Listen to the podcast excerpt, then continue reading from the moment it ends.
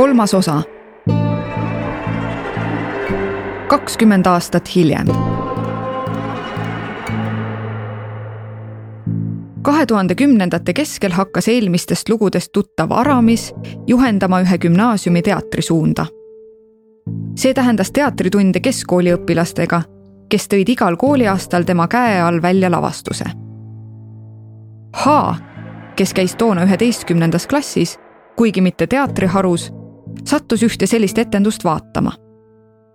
ta mäletab, et klassikaaslane, kes lavastuses mängis, kutsus teda pärast tähistama ja osalistega põrandapiknikku pidama. H meenutab, kuidas ta sõbrannat oodates parajasti uksepiida najal seisis, kui Aramist tema selja tagant läbi puges ja käega tema tagumikku puudutas. me oleme siin teises ruumis, tule siia H tardus paigale. mul ei ole kunagi olnud sellist situatsiooni, ütleb ta. ta konkreetselt katsus mu tagumikku. teadlikult, selle asemel, et õlale patsutada. ma ei teadnud, mida teha. mul käis tervest kehast nagu värin läbi. kuna H kirjeldab ennast kui inimest, kes läheb selliste asjade puhul trotsi täis, otsustas ta rääkida juhtunust oma sõbrannadele teatriharust. tema üllatuseks ei tulnud see neile ootamatult. Iid oli Aramis ühispildi tegemise ajal tagumikust näpistanud. ja ühte kooli saunaruumi lähedal toimunud eratundi oli mees saabunud palja ülakehaga. Jott käis veel kümnendas klassis, kui Aramis päris eratunnis luuletuse lugemise vahele tema suhete kohta poistega pannes käe tema õlale. Kaale kirjutas mees Facebooki, et tüdruk vaatab talle tunnis nii ilusasti silma, et ta tunneb temaga sidet ja kutsus teda kohvile. ka Elliga hakkas ta ootamatult Facebookis suhtlema. tulin üks päev koolist koju ja avastasin Facebookis umbes üheksakümmend seitse märguannet. mõtlesin naerdes, et mis nüüd siis juhtus, et nii popp tüdruk äkki, kuni avastasin, et vaid kolm kuni viis märguannet oli sõpradelt ning ülejäänud üheksakümmend oli teade, et õpetaja oli laikinud kõiki pilte, mida ma aastate jooksul postitanud olen. ja nii edasi ja nii edasi.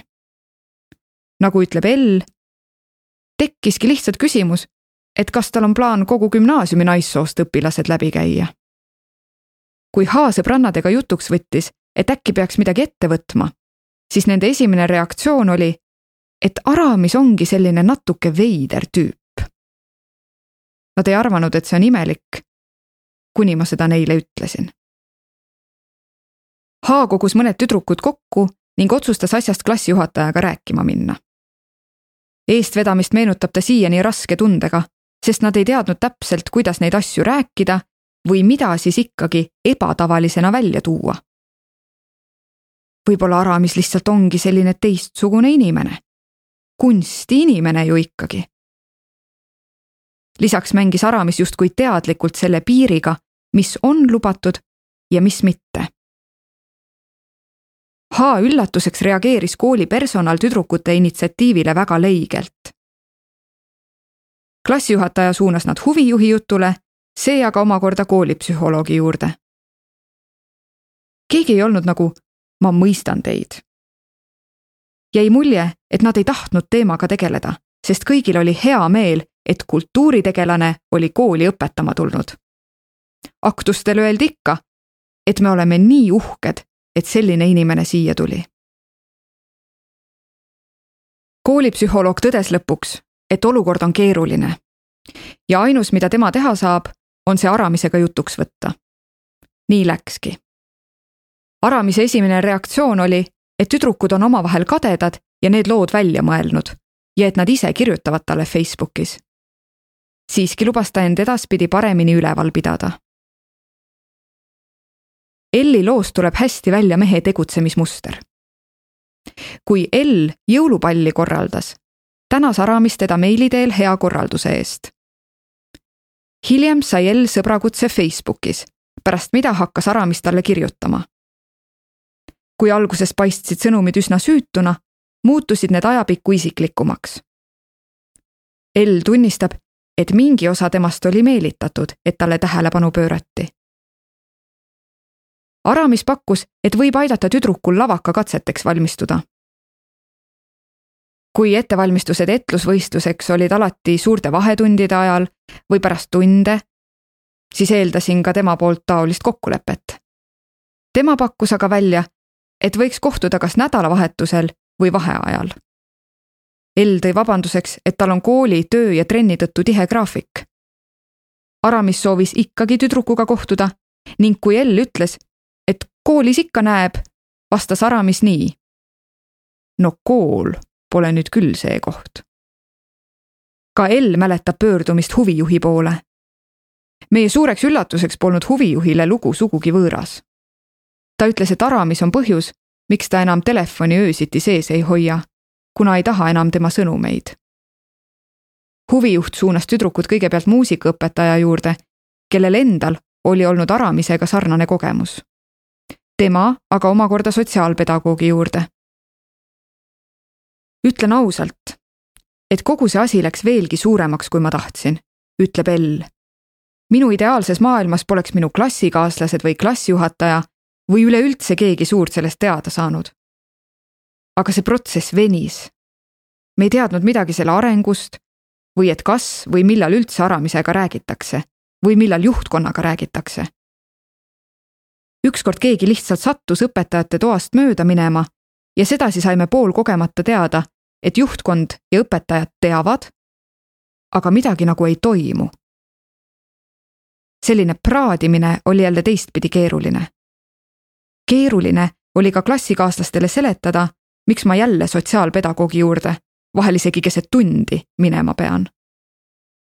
lõpuks sai üks teatriklassidest õpetajalt vihase loengu, et läbi Facebooki temaga enam asju ajada ei tohi ja et kõik puudumised tuleb edaspidi meili teel ära põhjendada. aga see oli ka kõik. tunnid läksid edasi Elli sõnul tekkis tal edasi hirm, et kui palju mees teab ja kuidas ta võimalikesse raporteerijatesse suhtub. järgmine kord nägin teda kooli etlusvõistlusel, kus ta oli žürii liige. oli küll ebamugav seal tema ees esineda. aga samas polnud ka muud valikut. ja muud sellest suurt ei saanudki. Aramis lahkus kooliõpetaja kohalt alles märksa hiljem H mäletamist mööda mingitel teistel asjaoludel. Võtsime selgituste saamiseks ühendust nii kooli sotsiaalpedagoogi kui ka huvijuhiga. kuid kumbki neist ei vastanud.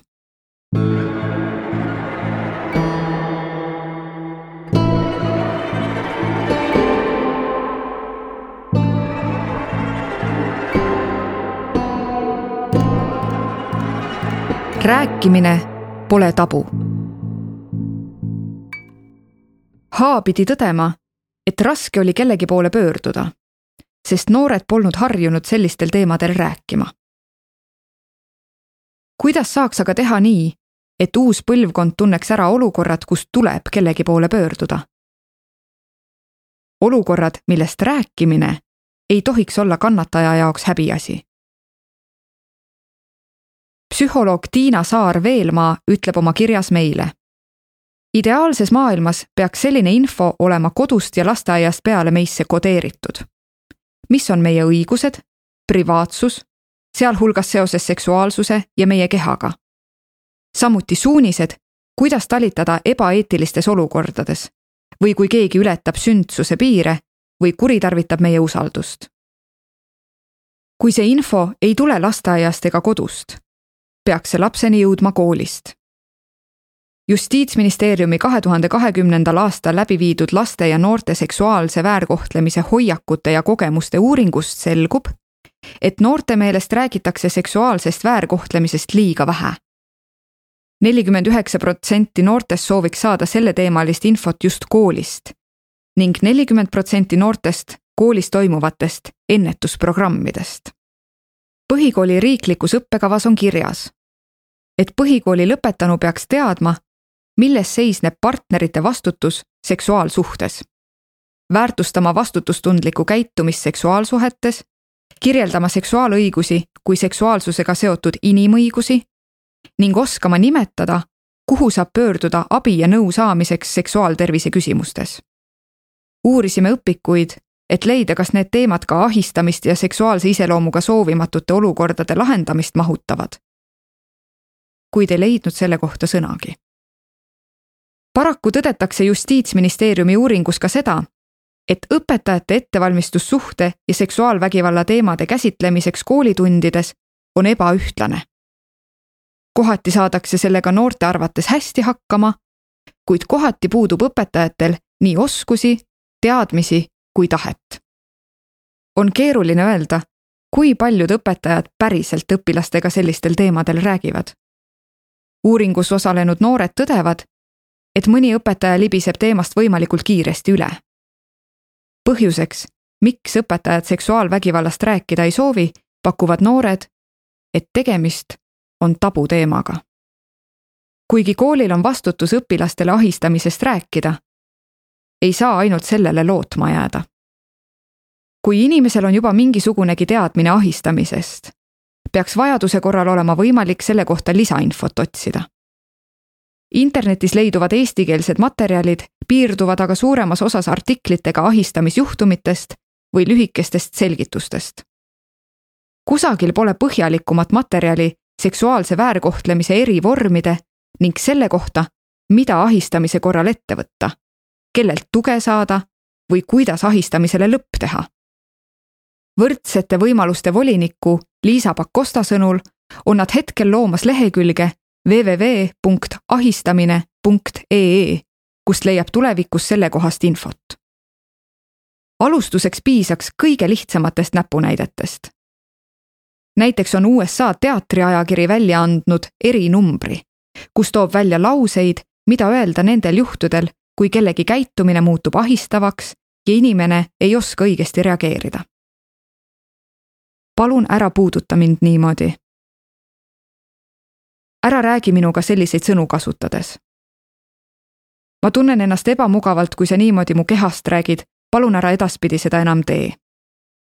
ja nii edasi soovitatakse ebamugavad juhtumid igaks juhuks kirja panna ning märgata, kui mõnel su kaaslasel on ebamugav ja aidata tal seda teemat tõstatada. ahistamine ei peaks olema tabuteema, sest vaikimine põlistab olemasolevaid käitumismustreid. Tagasi tänapäeva. kui Aramis ühel hetkel teadmata põhjusel enam gümnaasiumis ei õpetanud, polnud sellest midagi sest tema enda teatriring töötas endiselt edasi. elu teatriringis oli nagu teatriringis ikka. tehti etüüde, loeti näidendeid ja valmistuti kevadisteks lõpulavastusteks. mõni aasta tagasi toodi õpilastega välja suurem lavastus.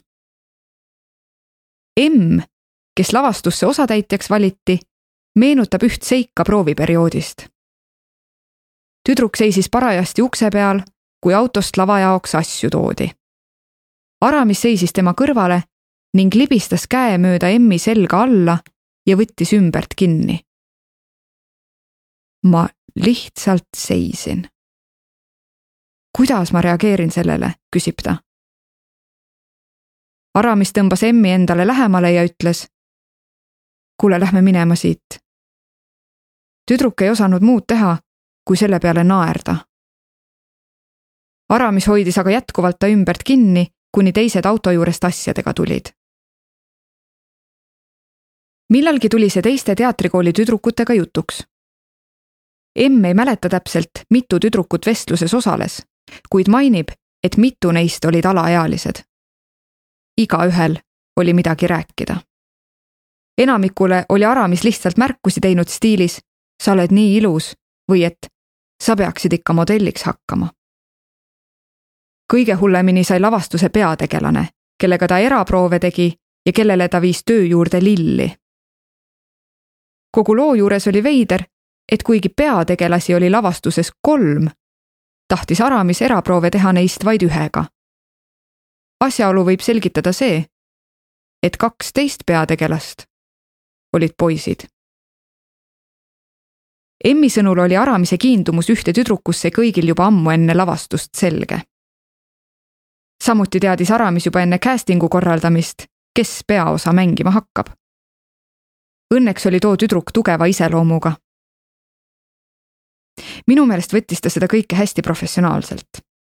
et kui on vaja proovi teha, siis on vaja. ilmselt talle ei meeldinud see, aga ta võttis seda nii, et mul on roll ja ma teen selle ära. kui lavastust enam ei mängitud, läks tüdruk teatriringist minema. Enn, kes käis samas teatriringis, mäletab, et neid vestlusi peeti mitmel korral, kuid Aramise teod ei olnud tüdrukute meelest piisavalt tõsised, et politsei poole pöörduda. Ei lähe ju politseisse jutuga, et mees käitub veidralt, räägib Enn. kelleltki teiselt ei osatud abi otsida. seega hoidsid nad Aramisest lihtsalt eemale. Enni sõnul ei soovinud ka lavastuse peategelane ise asja suure kella külge panna. kui neile ühel hetkel uus õpetaja tuli, jäeti asi sinnapaika. lõpuks on see meie sõna tema oma vastu, tõdeb emm. ta arvab, et pigem mindigi lihtsalt minema, kui et hakati teemat üles kerima. Igaüks mõtleb ikkagi esmajoones enda peale. et mina sain probleemist lahti ja. kuhu edasi? juba eelnevalt mainitud Justiitsministeeriumi uuringus kirjutatakse. noored teavad, et seksuaalse väärkohtlemise ohvriks langemise korral tuleks pöörduda politseisse või mõne muu spetsialisti poole. kuid reaalselt jõutakse selleni väga vähestel juhtudel. Lapsi õpetatakse muredega ikka usaldusväärsete täiskasvanute poole pöörduma. kuid mitmed eelnevad lood tõestavad, et ahistamisega seotud murede lahendamisel on kõige saamatumad just needsamad usaldusväärsed täiskasvanud. juhendajad, kooli sotsiaalpedagoog, huvijuht või psühholoog, isegi lapsevanemad. kui hakkasime uurima, kuhu siis ikkagi pöörduda, selgus, et protsess on oodatust keerulisem ja sõltuvalt juhtumist ka erinev. küsisime nõu oma ala spetsialistidelt, kes soovitasid pöörduda kas politseisse või helistada mõnele abitelefonile kui tegemist on aga nii-öelda kergema süüdistusega, ei pruugi politseil olla menetluse alustamiseks piisavalt alust. samuti on väga tänuväärne, et Eestis on võimalik helistada näiteks laste või ohvriabi telefonile. kuid abitelefonid tegelevad kannataja vaimse toetamisega, mitte juhtumi lahendamisega. selleks oleks vaja kellegi järgmise poole pöörduda, sest kuigi alati pole kõige olulisem teo toimepanijat karistada, on tähtis tagada, et sarnased juhtumid ei korduks. just sel põhjusel tasub pöörduda ka siis, kui juhtunut enda jaoks millekski eriliseks ei peeta, kuid mõistetakse, et see on vale. nii kaitstakse võimalikke järgmisi kannatajaid, kellele võib juhtunu rängemalt mõjuda. Liisa Pakosta soovitas esmajoones pöörduda ahistajast nii-öelda aste kõrgemale. meie loo puhul huvikooli juhataja või omaniku poole juhul kui huvikooli juhataja, omanik ja ahistaja on sama isik, siis kohaliku omavalitsuse lastekaitsetöötaja või sotsiaalosakonna poole. kuid internetist konkreetse piirkonna lastekaitsetöötaja kontakti leidmine osutus keeruliseks autoritelegi, rääkimata siis niigi keerulises olukorras olevast lapsest või lapsevanemast. tundub, et oleks vaja üht kindlat asutust või inimest, kelle poole selliste muredega pöörduda kas või selleks, et saada asjakohast nõu. eelnevalt mainitud Iisraeli Näitlejate Liidu manifestis on näiteks kirjas, et igas teatrikoolis peaks olema järelevalvet tegev isik, kelle jutule taoliste kaebustega saab minna. lugu kirjutades käis läbi ka mõte, et ehk peaks Eesti Huvikoolide Liidus töötama keegi, kelle poole pöörduda. kuid keskkoolis aset leidnud juhtumid aitasid meil mõista, et ka suuremas asutuses, kus vastavad inimesed koolipsühholoog, sotsiaalpedagoog on justkui olemas, võib oma murega üksi jääda. võib-olla peaks olema mõne ministeeriumi juures eraldi asutus või inimene, kes selliste kaebustega tegeleks. kui volinikuga suheldes talle loo tagamaid tutvustasime, ütles ta, et tegelikult võib selliste juhtumitega ka otse tema poole pöörduda, saates e-kirja avaldus at volinik.ee või pöördudes kodulehele volinik ee. hetkel leiab voliniku kodulehelt infot peaasjalikult diskrimineerimise kohta, mille üheks alaliigiks loetakse ka ahistamist. kuid loodame, et tulevikus leiavad rohkemad abivajajad tee voliniku juurde. Teades, et paljud noored käivad oma muredega peaasi.ee lehel, võtsime ka selle tegijatega ühendust ja nad olid nõus oma kodulehele lisama ahistamisega seotud infot.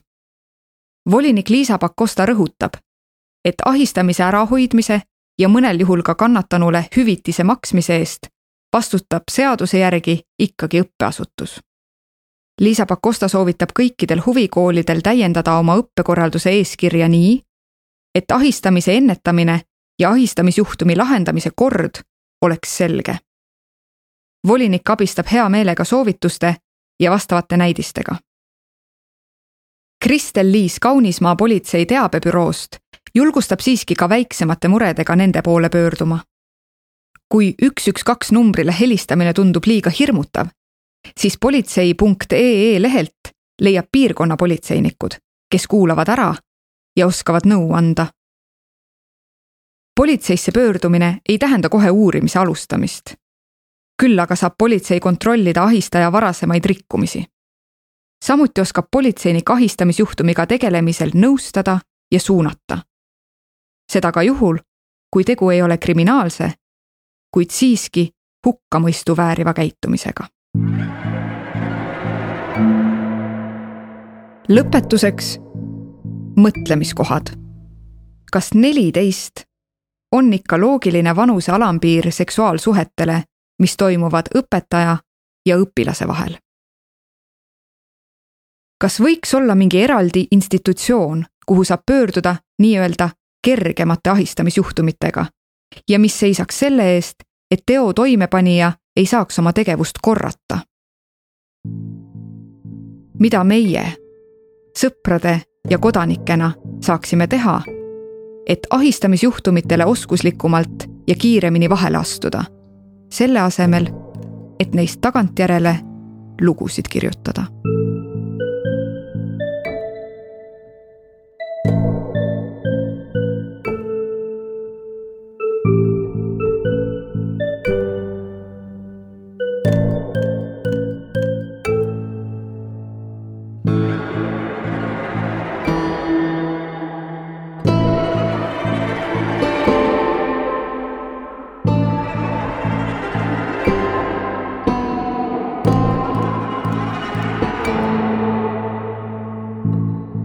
tekst Hene-Liis Notton ja Paavo Piik. luges Teele Pärn. originaalmuusika ja helikujundus Janek Murd. Levila kaks tuhat kakskümmend üks